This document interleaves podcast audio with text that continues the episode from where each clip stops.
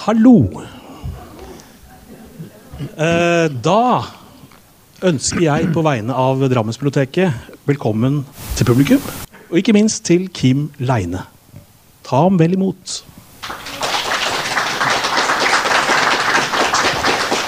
Det er en stor glede å ha ham her. Kim Leine er født i 1961 i Seljord i Telemark og flyttet til Danmark som 17-åring. Han er utdannet sykepleier og har bodd 15 år på Grønland. Og debuterte som forfatter i 2007 med den selvbiografiske romanen 'Kallak'. Eh, så kom romanen 'Valdemarslag', som vel ikke er selvbiografisk, men familiebiografisk. Den er veldig god. Den anbefales. Eh, I 2009 romanen 'Tunu', men den er ikke oversatt til norsk. Nei. Nei. Eh, og det store gjennombruddet kom i 2012 med 'Profetene i evighetsfjorden'. Første bind i det som har blitt Grønlandstriologien, som han mottok Nordisk råds litteraturpris for. Så, i 2015, kom 'Undergrunnen', om to tvillinger og deres møte med finlandskrigen, og hvordan krig og vold både form, er både formende, fascinerende, og hvordan følelsen av tomhet og meningsløshet preger mennesker når krigen er over. Eh, I 2016 kom De søvnløse, der handlingen igjen er lagt til Grønland, men denne gangen i framtida. 2025. Eh, 2018 annet bind av grønlandstriologien, 'Rød mann, sort mann'. 2020 dansk standard. Før nå siste bind i grønlandstriologien, etter 'Åndemannen', som du vel skal snakke mest om i dag. Ja, Kanskje. Så da sier vi bare 'take it away'. Ja. Takk skal du ha. Jeg skal prøve å holde meg til å snakke i uh, ca. tre kvarter. Jeg uh, regna med jeg skal fokusere på grønlandstrilogien min og den siste boka etter 'Åndemannen' som kom her i høst, og som jeg vil eh, lese litt opp fra. Jeg ser uh, på disse bøkene mine til nå så handler det jo veldig mye om det jeg kaller kulturkollisjon. Eller kultursammenstøt, eller hva en kan kalle det. Um, og gjør egentlig ikke all, all, litteratur det. Det handler om folk som møtes, og den musikken som, som oppstår i dette møtet. Eller det krasjet som oppstår når to mennesker møtes. Og det som uh, alle de små forskyvningene som skjer i et møte mellom to mennesker som kanskje forelsker seg i hverandre eller blir venner med hverandre, får barn med hverandre og møtes og skilles, blir uvenner kanskje, kanskje dødelige fiender. Alle disse forskyvningene som, eh, som forvandler de begge to. Og det er etter min mening noe som kun litteraturen kan skildre. Disse mikrobegivenhetene som oppstår i møtet mellom to mennesker. Ingen sosiologisk rapport eller psykologisk rapport eller ikke noe akademisk eller analytisk medie kan, kan uh, anskueliggjøre det som skjer i en kollisjon mellom to mennesker. Men det kan litteraturen, og det syns jeg er Ikke fordi den skal forklare det. Litteraturen skal ikke forstå noe som helst. Litteraturen skal vise noe fram på en ny måte at selve det at vi ser noe på en ny måte, det kan gi noen erkjennelser hos leseren som ikke var der fra før. Og det syns jeg er kvaliteten ved litteratur. Litteraturen skal ikke være klok og vis. Det skal ikke være filosofi. Den skal bare være veldig klarøyd og vise fram noe. Det er i hvert fall sånn jeg bruker litteraturen, og det er det jeg liker ved litteraturen. Eh, men dette kultursammenstøtet det er selvfølgelig eh, anskueliggjort på en særlig måte når en skriver om, om eh, kolonihistoria. Den danske kolonihistorien i, i Grønland. Hvor det er et møte mellom to mennesker. Litteraturen handler alltid om spesifikke individer i spesifikke situasjoner. med på en spesifikt tidspunkt. Um, litteraturen er generell. Er aldri generell, den er alltid spesifikk. Um, men uh, når uh, to mennesker, en kolonisator og en kolonisert, møtes, så kan det også oppstå kjærlighet og vennskap, men det blir et skjevt forhold. Og dette skjeve forholdet det syns jeg er veldig spennende. Fordi eh, begge investerer seg sjøl i det på en måte som gjør de sårbare. Og så Det har jeg syntes var veldig spennende å skildre i denne eh, kan kalle det kolonitrilogien eller misjonstrilogien. Um, det er noe jeg sjøl har opplevd, fordi jeg har bodd 15 år i Grønland. Og det var eh, også en kulturkollisjon for meg å komme dit. Den første kulturkollisjonen for meg var faktisk da jeg kom til Danmark i 1978. Jeg rømte hjemmefra da jeg var 16-17 år gammel, fra Jehova, som hadde planer om å, å drepe meg. Um, jeg ble eh, opptatt som Jehovas vitne og gikk tidlig rundt fra hus til hus og forkynte det gode budskap om at dere skal alle sammen dø hvis dere ikke melder dere inn i menigheten vår. Og det var jo et budskap jeg trodde fullt og fast på. Eh, problemet med det var at jeg også skulle dø, fordi jeg visste at Jehova ikke likte meg. Og det første han ville gjøre når han begynte på Harmageddon, det var å finne ut av hvor jeg oppholdt meg, og så komme og og slå meg i hjel. Så jeg, eh, jeg, visste at jeg måtte komme meg bort. Faren min, kan jeg fortelle, han eh, kom til bygda fra Danmark i, på 50-tallet eh, som misjonær for Jehovas vitner. Han grunnla en menighet. Han åpna en frisørsalong og gifta seg med mor mi og fikk meg, og oppdaga han var homoseksuell. Og Det var en litt uheldig kronologi, fordi det ødela alt det andre med tilbakevirkende kraft. Det endte med han ble sparka ut av menigheten og, og, forsvant fra bygda og ut av livet mitt da jeg var fire år gammel. Um, godt og vel ti år seinere så rømte jeg hjemmefra og ned til faren min i København.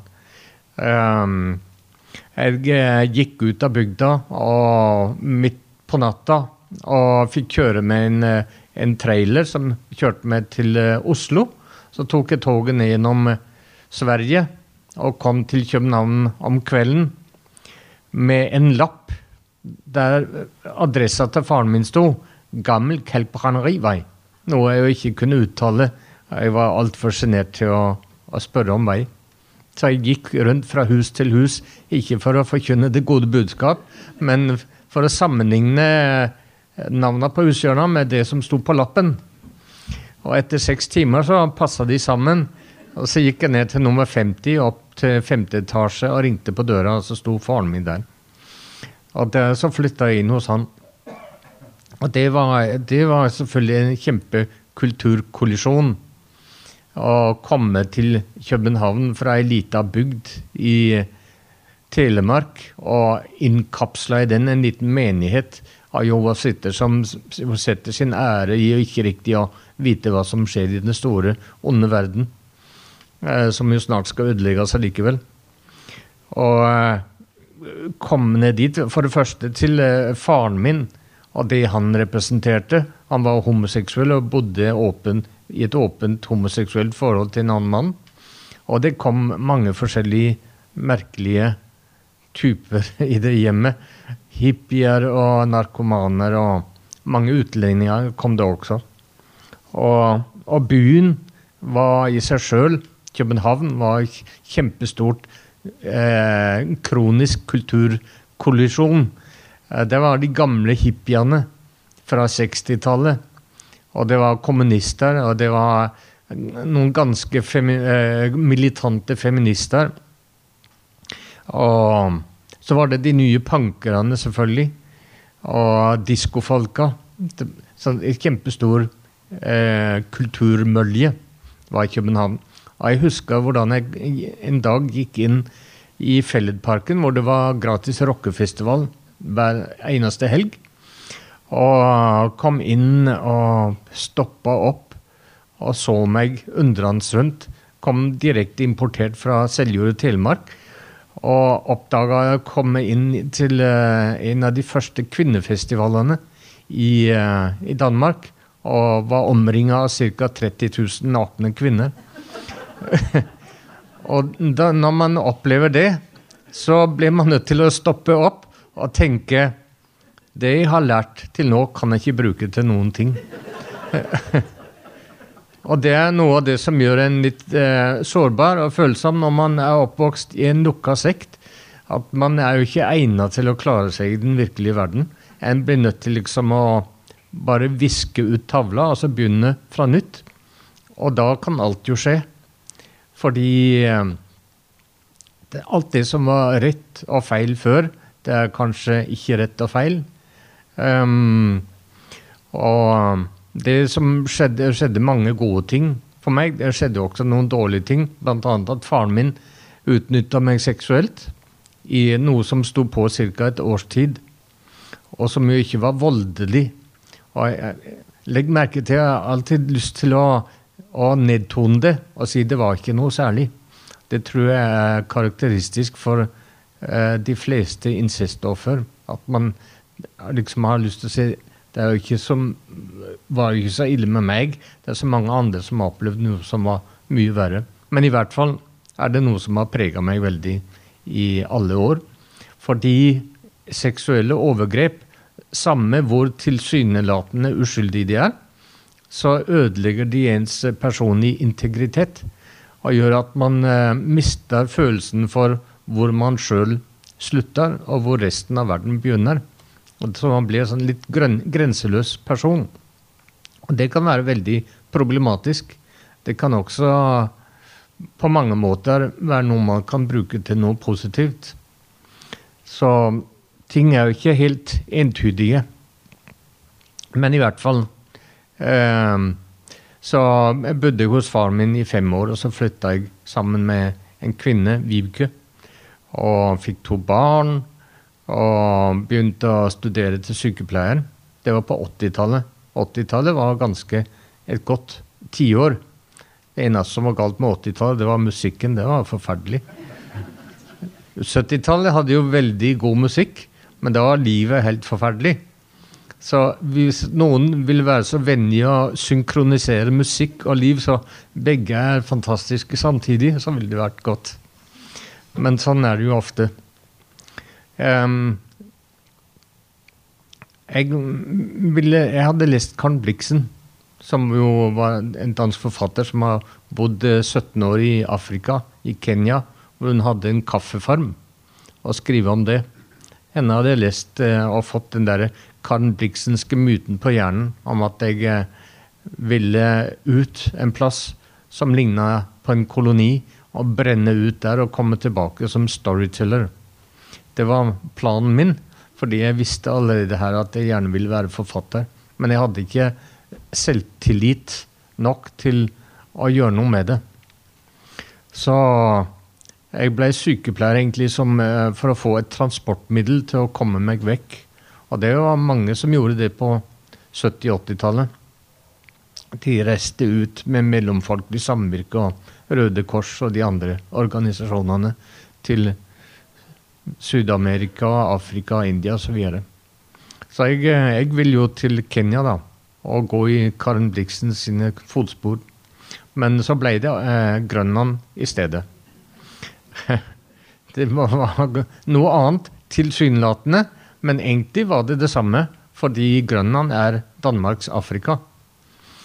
Um, og der eh, kom jeg i eh, oktober 1989 med det faste forsettet at jeg skulle bli grønlender. Jeg skulle legge fra meg den gamle identiteten min og bli et annet menneske. Og det er vel egentlig det man ofte gjør eller tenker når man emigrerer at man eh, tenker at det er et tilbud om å bli et annet menneske. I hvert fall lite grann. Um, så jeg uh, gikk jo i gang med det først. Hva gjør man først når man skal skifte nasjonal identitet? Og da lærer man språket. Så jeg gikk i gang med å lære grønlandsk. Og jeg så jo at nesten ingen dansker kunne snakke grønlandsk, selv de som hadde bodd der i 30-40 år. Og hvorfor gjør de ikke det? Det syns jeg er veldig rart. Men det er jo fordi grønlandsk er lavstatus hos dansker i Grønland. Dessverre er det sånn. Dansker, og sikkert også nordmenn i f.eks. Eh, Frankrike, de eh, skryter jo veldig raskt at de, har, at de har begynt å lære språket fordi det er høystatus. I Grønland er det lavstatus å kunne språket. Og det syns jeg er veldig sørgelig. Men jeg, jeg hadde liksom bruk for i mitt identitetsprosjekt å distansere meg fra de danske, så jeg lærte, begynte å lære meg språket. Og det er veldig krevende å lære seg grønlandsk. Det er et veldig komplisert språk. Blant annet har eh, verbene 640 bøyningsformer. Og det, der kan man gå i gang med det som det første. Um, og verba kan stå i genitiv, blant annet. Det er jo også veldig merkelig. Um, og så gikk jeg ned på sykehuset hvor jeg jobba eh, neste dag og praktiserte det jeg hadde lært. Og fant ut av en ting, nemlig at grønlandsk har utrolig mange fallgruber. Det er så mange muligheter for å begå katastrofale feil.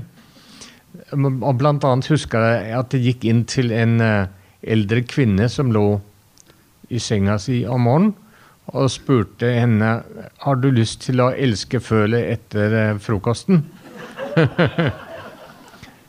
Fordi det ligner så veldig på hverandre.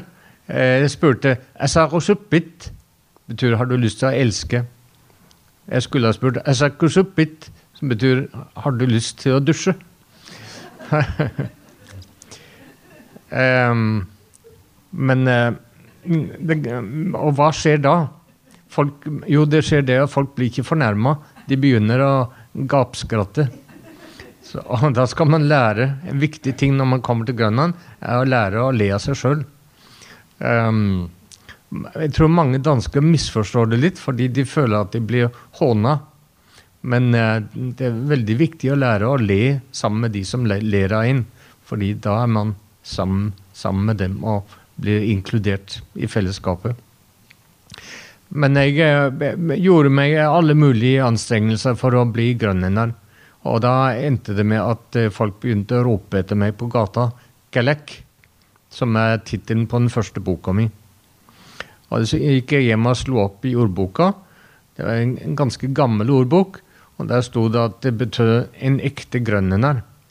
Og da tenkte jeg nå har det, eh, nå har det lyktes for meg. Nå, identitetsprosjektet har lyktes. Jeg har blitt en grønlender. Jeg er ikke danske lenger.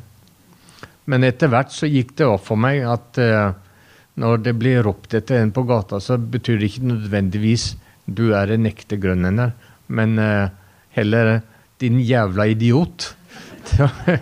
Det var det det betød. Men legg merke til det igjen. Ikke på den måten der, men på den måten her. Jævla idiot, kom hit til oss. Det var inviterende. Og det er også noe mange dansker misforstår. At de tror at det betyr at de skal gå vekk, men det betyr ikke det. Det betyr at de skal komme hit. Altså det er inkluderende igjen. Og det skjønte jeg, og det gjorde meg veldig takknemlig. Det følte jeg ble en del av et fellesskap, et nytt fellesskap. Så det følte det satte meg litt i takknemlighetsgjeld til, til Grønland og grønlenderne. Noe som jeg prøver på min litt mitt paradoksale måte å, å betale tilbake med å skrive bøker om Grønlands kolonitid. Ja, jeg var 15 år på Grønland og um, ble bl.a. narkoman og ble uh, sparka fra jobben min. Kom tilbake til Danmark etter en kjempekrise i 2004. Og satte meg ned og begynte å skrive på det som ble til debutromanen min, 'Galek'. Um, Galek den uh, lærte meg noen viktige ting om å skrive. Jeg hadde skrevet tre bøker før det, fordi jeg hadde disse skriveambisjonene. det jeg hatt hele tiden. Men de var skrive mer på en forestilling om at jeg skulle bli forfatter, og at jeg skulle skrive litteratur. Og det er ikke nok. Det, man skal skrive ut av en indre nødvendighet og et indre press. Um, og det hadde ikke vært der før, men det var der nå, kjente jeg. Og da merka jeg med det samme jeg begynte å skrive på denne boka. Jeg begynte faktisk å skrive på den i Seljord fordi jeg reiste tilbake til mor mi. Og satt der og skrev de første sidene på det som ble til denne boka. Da kjente jeg at det, det fløt på en ny måte.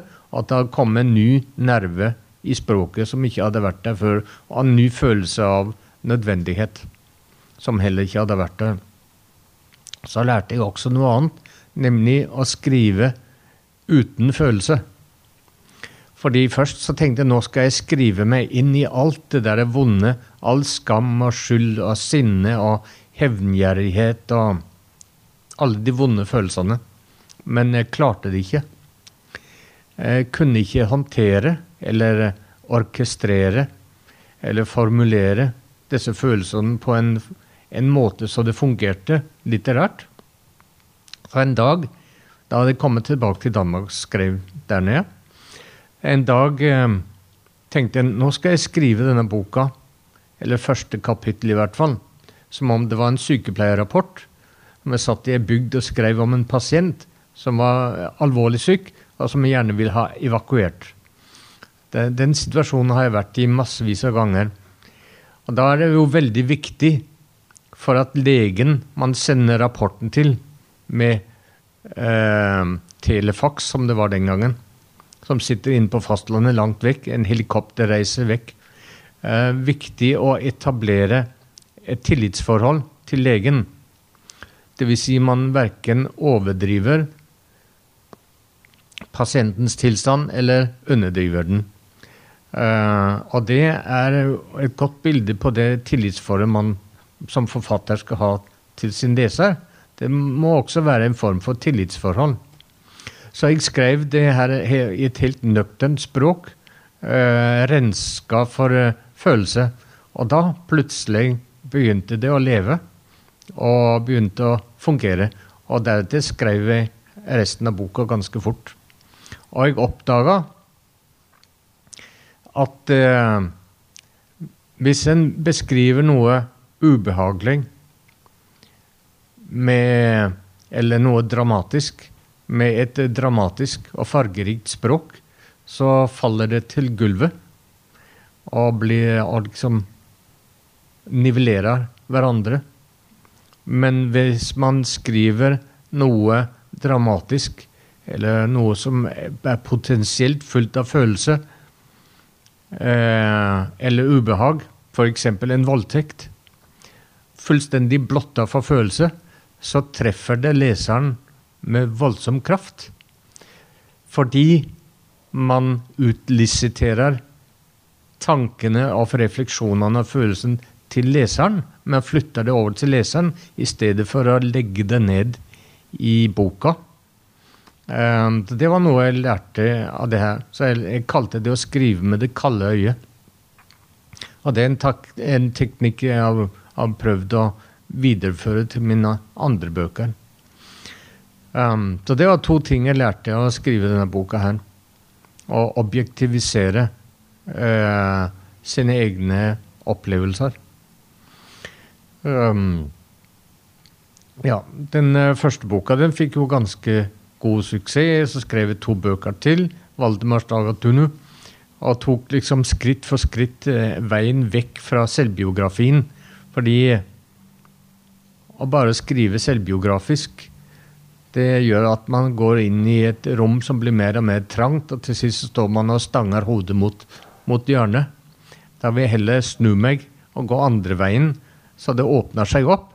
Å skrive fiksjon og være i den virkelige verden. Og det høres kanskje ut som et, en selvmotsigelse, men eh, det er egentlig ikke det, fordi fiksjonen er veldig interessert i den fysiske, virkelige verden, mens selvbiografien er jo innadskuende, introspektiv, og har tendens til å være mer abstrakt.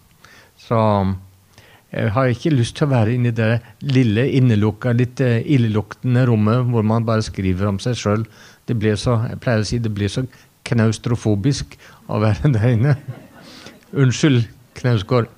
Um, um, så det er egentlig der jeg vil være, eh, ute i den virkelige verden, og skrive fiksjon. skrive store, episke romaner. Og det, det fikk jeg jo utløp for da jeg begynte på min grønlandstrilogi. Som først første kom i 2012, 'Profeten i evighetsfjorden'. Um, som jo ikke var uh, ment som, en, som første del av en trilogi. Um, det kom bare ja, Det kom faktisk en dag jeg snakka med en journalist om noe helt annet, og begynte å fortelle om den boka jeg skrev på nå.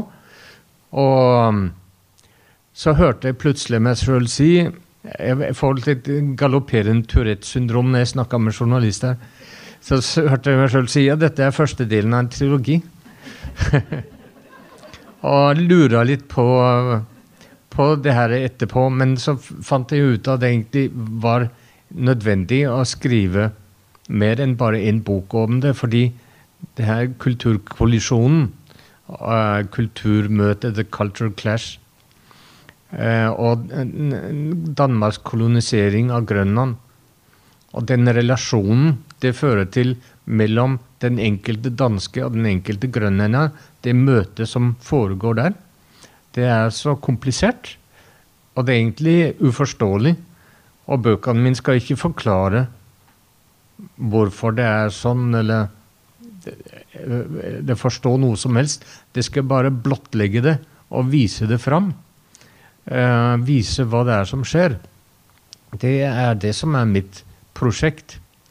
Så derfor tenkte jeg det er egentlig uh, en fornuftig beslutning å skrive en trilogi. Ikke at tre bøker er nok, da, men uh, det er i hvert fall tre ganger så mye som én. Jeg vil heller ikke påstå jeg har blitt mer vis eller klok på dette problemet etter å skrive tre bøker, men jeg har kanskje blitt idiot på et høyere nivå enn jeg var da jeg begynte. um, første bok uh, foregår jo så i 18, uh, 1780- og 90-tallet. Det handler om, om, presten Morten Falk, som kommer fra Lier og reiser til København for å utdanne seg til prest. Og eh, blir så innrullert i den grønlandske misjonen og drar av gårde til Grønland for å uh, frelse de stakkars elendige, ville hedningene fra deres barbari og mørke, men ender med å finne mørket i seg sjøl. En historie som har blitt fortalt tusenvis av ganger, men eh, ikke så mye i dansk historie, der, eller dansk litteratur, fordi eh, kolonihistorie er en veldig liten del av dansk litteratur. Av mange grunner, bl.a. Eh, pga. skamfølelse. Men i, i britisk litteratur da fyller det veldig mye, denne historien som har blitt fortalt mange ganger om eh, en englender, en koloni representant for kolonimakta som kommer ut og finner mørket i seg sjøl, hvor han egentlig skulle gjøre noe med mørket der nede. Um, så det var historien til Morten Falk. Og så tenkte jeg når jeg skriver, når jeg liksom begynte i midten, ble jeg nødt til å gå tilbake til den første kolonien. Så da gikk jeg tilbake til uh, hans egne, som uh, kom fra Lofoten og dro til Grønland i 1721 med kone og fire barn. Og var med på å grunnlegge den første kolonien Gotthåb i 1728. Så vi er et slags 300 års interregnum akkurat nå, mellom 2021 og 2028. Mange tror det er 300 år for Grønlands kolonisering, men det er altså for Egedes ankomst til Grønland. Og eh, dette her, denne første kolonien den eh, endte opp med å bli en humanitær katastrofe. Fordi nesten alle de som eh, dro opp der, døde av skjørbuk og lungebetennelse av forskjellige sykdommer. Og også de innfødte som bodde der, de, de ble ramt av en koppeepidemi som kosta oppimot 90% av befolkninga livet. Og, så det var en kjempekatastrofe. Og flere interessante ting med denne historien, bl.a. at man tok 24 straffefanger fra Københavns tukthus.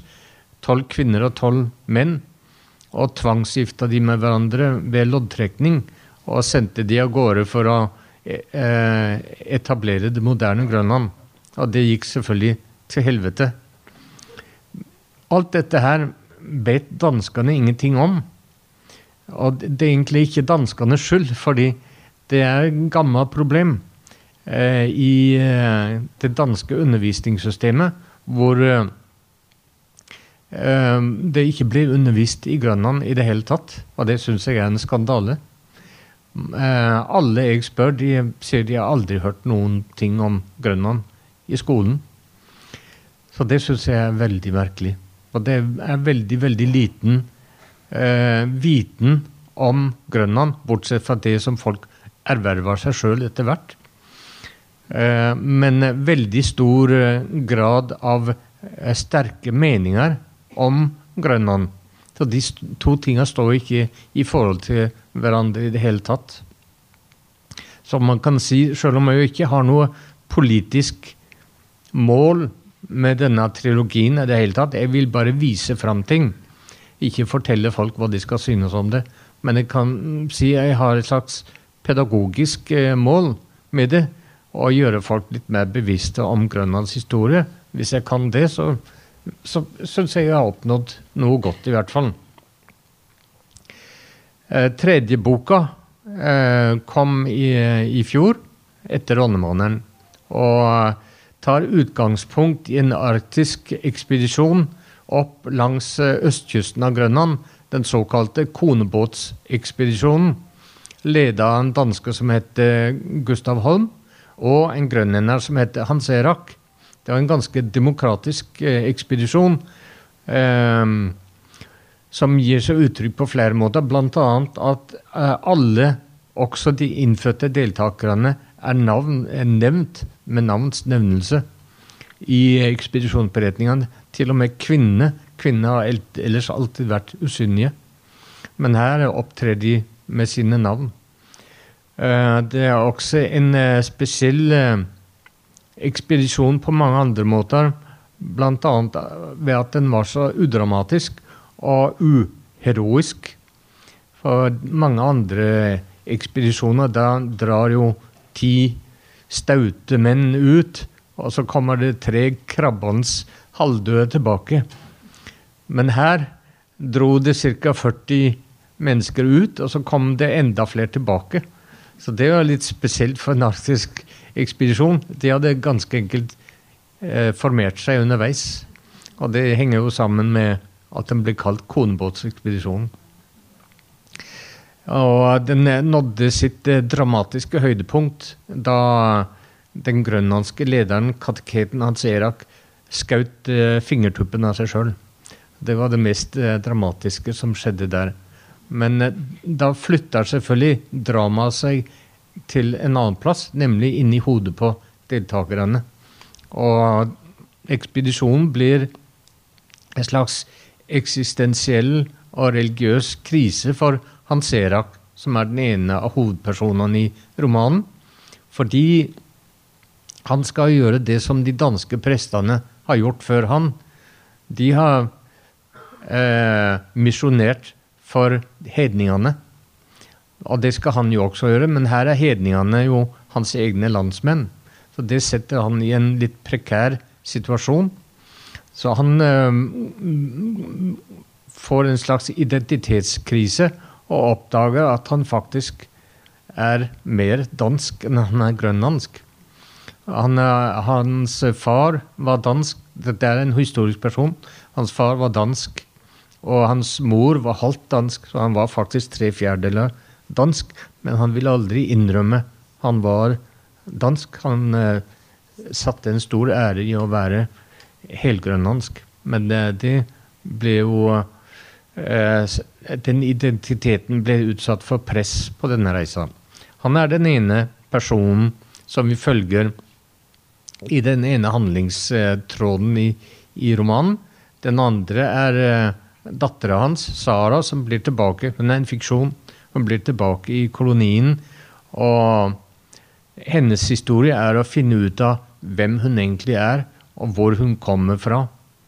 Um, og ja, det ble sånn, en familiehistorie som uh, har tråder tilbake til de andre bøkene i trilogien. Uh, helt tilbake til uh, enken som ble sparka utover en klippe i døden. Og, og helt tilbake til åndemaneren Apaluttok i Rødmann Sortmann. Og den tredje handlingslinjen eh, representeres av Jens, som er nevøen til Hans Erak, som reiser til eh, København for å finne faren sin, som har dratt ned dit for å selge noe gull som de har eh, gravd opp av en mine i Syd-Grønland. Faren viser seg å være død, og så skal Jens egentlig bare hjem igjen, men det tar han ti år å komme tilbake. Og i mellomtida ble han involvert i det dekadente eh, teatermiljøet i København og ble venner med bl.a. forfatteren Herman Bang og flere andre navngitte personer. Så det er eh, kort sagt eh, de tre handlingstrådene eller linjene i, i Etter åndemannen.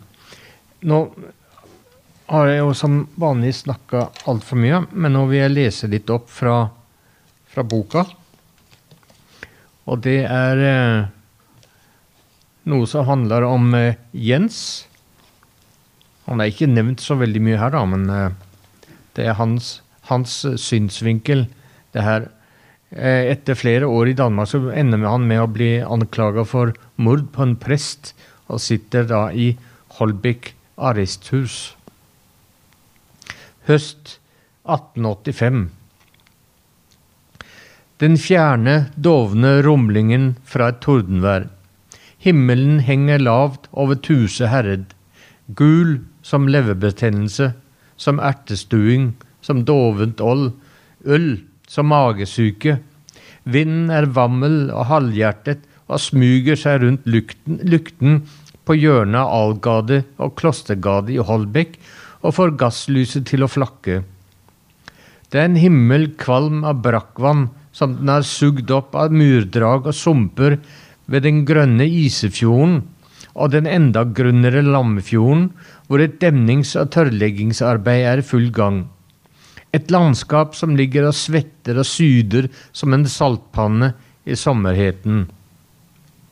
Den svovelgule himmelen bøyer seg over Vest-Sjælland som en sen vertshusgjest i en port og gulper innholdet sitt utover åkre og kjøpsteder ved første kommende temperaturfall. For vann stiger opp, og vann faller ned. Det er naturens orden. En av livets mange sykliske forbannelser som vi mennesker er underkastet, enten vi forstår dem eller ei, og som vi har så vondt for å avfinne oss med. Gjentagelsen er noe vi både søker og ber dra til helvete, kanskje fordi vi strir med en rekke sykliske og repetitive tendenser som ligger som snubletråder overalt i vår hverdag. Alt sammen begynte da de to første menneskene ble kastet ut av hagen og dømtes til en langsomt nedadgående spiral. Livet er en berg-og-dal-bane, og i enden er det en høygaffel. Det er en evig kamp med gjentagelsene, morgens vilje til liv og aktivitet og dens lengsel tilbake til søvnen, mellom begynnelse og avslutning, mellom lyset og mørket, mellom vanen og bruddet på vanen. De irriterende små dagligdagsgjentagelsene, skjegget som mørkner på kinnet, barberkniven som glir over huden og atter fjerner denne skyggen eller kvinnens tilsvarende månedlige og daglige sykluser, den illeluktende skitten som svømmer utover kroppen som epidemisk hudpest fra armhulenes og skrittets arnesteder, vaskesvampen som gnir den bort, sulten som melder seg, maten som fjerner den, bæsjen som snur seg mot utgangen, men innhentes bakfra av fornyet følelse av tomhet og sult, metthet, metthet, sult og så fremdeles. Og Herren, herren formet en sirkel og satte mennesket i den, og Herren moret seg, men så sovnet han dessverre, for så gøy var det jo heller ikke, Dette slutter aldri. Fantasier om skinker og posteier, eller bare et duftende brøds sprøe skorpe, og den konstante stinkende avregningen noen timer senere på dassen. Og så, for å snakke om, om noe helt annet, de større sakene, f.eks. å føde barn og se den forsvinne, enten ut i verden eller ned i graven, og stå hjelpeløs og se på i redsel mens de snublende gir seg i vei, selvsikre og hovmodige, og gjentar feilene våre, gjentar feilene våre, jeg sier gjentar feilene våre, mens vi står og ser på uten å kunne gripe inn, men tror de gjør noe helt nytt og rått og originalt, som vi trodde en gang, og som barna deres vil gjøre det. Det kunne vært et morsomt skuespill, en menneskelig komedie, men smilet er for lengst stivnet. Det var Adam og Eva som spiste frukten og ble dødelige. Man sier de ble over 900 år, og i all den tiden som har gått, har vi kjempet en kamp med avslutningen som kommer stormende mot oss, men også en kamp mot begynnelsen, for det kan da virkelig ikke gå fort nok å komme seg vekk fra vår mors liv, men midt i vår bane, bane gjennom livet finner vi oss med ett svaklende ute på kanten av graven, og så angrer vi, selvfølgelig, vår ubesindighet og hastverk, så gråter vi over vår forspilte ungdom, så lengter vi tilbake, helt tilbake til mor og kjøttkakene hennes. Men da er det for sent. Det er ingen kjære mor, for mor er død. Hun holder gjestebud for Kvitmakk. Mor har sin egen rundgang hun skal ha avsluttet, og nå ligger restene av henne på kirkegården. Livet er en lang, rasende protest mot sirkelen og en bekreftelse av den. Det er jo ikke til å holde ut å være fanget i den og, gå, og gi den videre som arvesynden. En ond forbannelse pakket inn som en dåpsgave, en tunnel med en prest og en salmebok i hver ende. Og derfor kjemper vi. Vi setter bukkebein. Vi gjør tingene annerledes enn våre fedre og mødre, tror vi, ofte med katastrofale følger. Men vi bare må gjøre det. Vi orker ikke tanken på bare å gjenta de gamle mønstrene, si de samme flosklene, spise den samme maten, gå i de samme pjaltene og følge sirkelen rundt enda en gang, som dum, dumfjottede passasjerer i en karusell. Nei, vi skeier ut. Vi bryter sirkelen. Vi lager nye sirkler som våre barn bryter, og våre barnebarn bryter, og våre oldebarn bryter, osv. Og selvfølgelig er det bare det samme og det samme hele tiden, men vi håper uansett, håper troskyldig og naivt at nettopp vi skal lykkes med å finne løsning på hele greia, at nettopp vi skal finne de vise stein, den hellige gral, lottogevinsten. Alle de store katastrofene er jo tross alt bare velmente forsøk på å forbedre verden og gjøre tingene på en annen måte enn våre fedre og mødre gjorde dem, og vri oss ut av sirkelens tvangstrøye og forvandle sirkelen til en oppstigende spiral mot lyset. Beatrice, Beatrice, jeg kommer, jeg er på vei, vær tålmodig, jeg er i åttende sirkel, jeg må bare ta en runde til. Herre, hør min bønn, få meg bort herfra, men la meg ikke dø, jeg bønnfaller deg, jeg sitter i dette arresthuset, og jeg vet ikke hvorfor de har satt meg her. Jeg kjenner ikke forbrytelsen jeg er anklaget for. Jeg har hele konversasjons... Jeg kan hele konversasjonsleksikonet utenat, men dette sto det ikke noe om. Få meg ut av dette fengselet, herre, denne cellen hvis fuktdrivende steinvegger trenger seg inn på meg fra tre sider, og den fjerde siden utgjøres av den lukkede døren med kikkhullet som smekkes opp, og igjen Øyeeplet som presses mot hullet og dreier søkende rundt som en rullende marmorkule. Jeg prøver å stille meg i blindsonen, men man kan ikke gjemme seg for øyet i døren. Det ser alt, det vet alt. Man kan like godt legge seg på briksen og runke og vite seg jakttatt. Fem skritt den ene veien, to skritt den andre. Det er den nye enmannskvadriljen.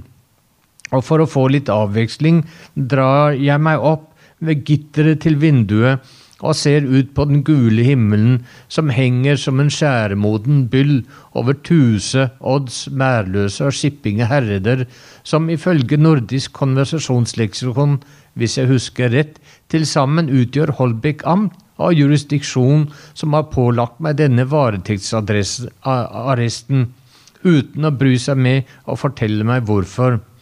Og så kommer tordenværet og dets forløsning. Himmelen sprekker i knitrende, saksende lyn og bulder og brak. Og så feier skybruddet inn over fjorden, og et øyeblikk føler jeg en stille og takknemlig lykke med denne naturens påminnelse om at den er større og sterkere enn meg og mine dommere, og har mer den skulle ha sagt enn meg, men også mer enn de personene som har hensatt meg i denne cellen. Det minner meg om Herren som taler til den klunkende jobb, Jobb inne fra stormen og sier, Hvor var du da jeg grunnla jorden? Men jeg klynker ikke. Jeg henger i spilene og ser solen bryte fram etter stormen. Den kaster tre loddrette skygger på mitt ansikt, og jeg trenger visst til å få klippet håret. Hm. Takk skal du ha. Ja. Ha det riktig godt.